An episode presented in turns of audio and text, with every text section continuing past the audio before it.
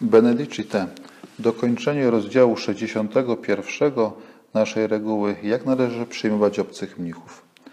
Zwróćmy uwagę na kończący dzisiejszy fragment, na kończący dzisiejszy fragment zdanie. Nie, nie czyń drugiemu, co tobie niemiłe. Znamy dobrze to przysłowie, czy zdawaliśmy sobie sprawę, że jest aż tak stare, że znane było świętemu Benedyktowi, a zatem ma przynajmniej to 1500 lat. Jest to wyrażenie takiego potocznego doświadczenia, ale którego nigdy nie dość się uczyć. Starajmy zatem się patrzeć tak na naszych bliźnich, tak wmyśleć się w ich e, zamiary i potrzeby, ażebyśmy mogli przyjść im z pomocą w sposób, jaki tego oczekują, w jaki sposób tego potrzebują.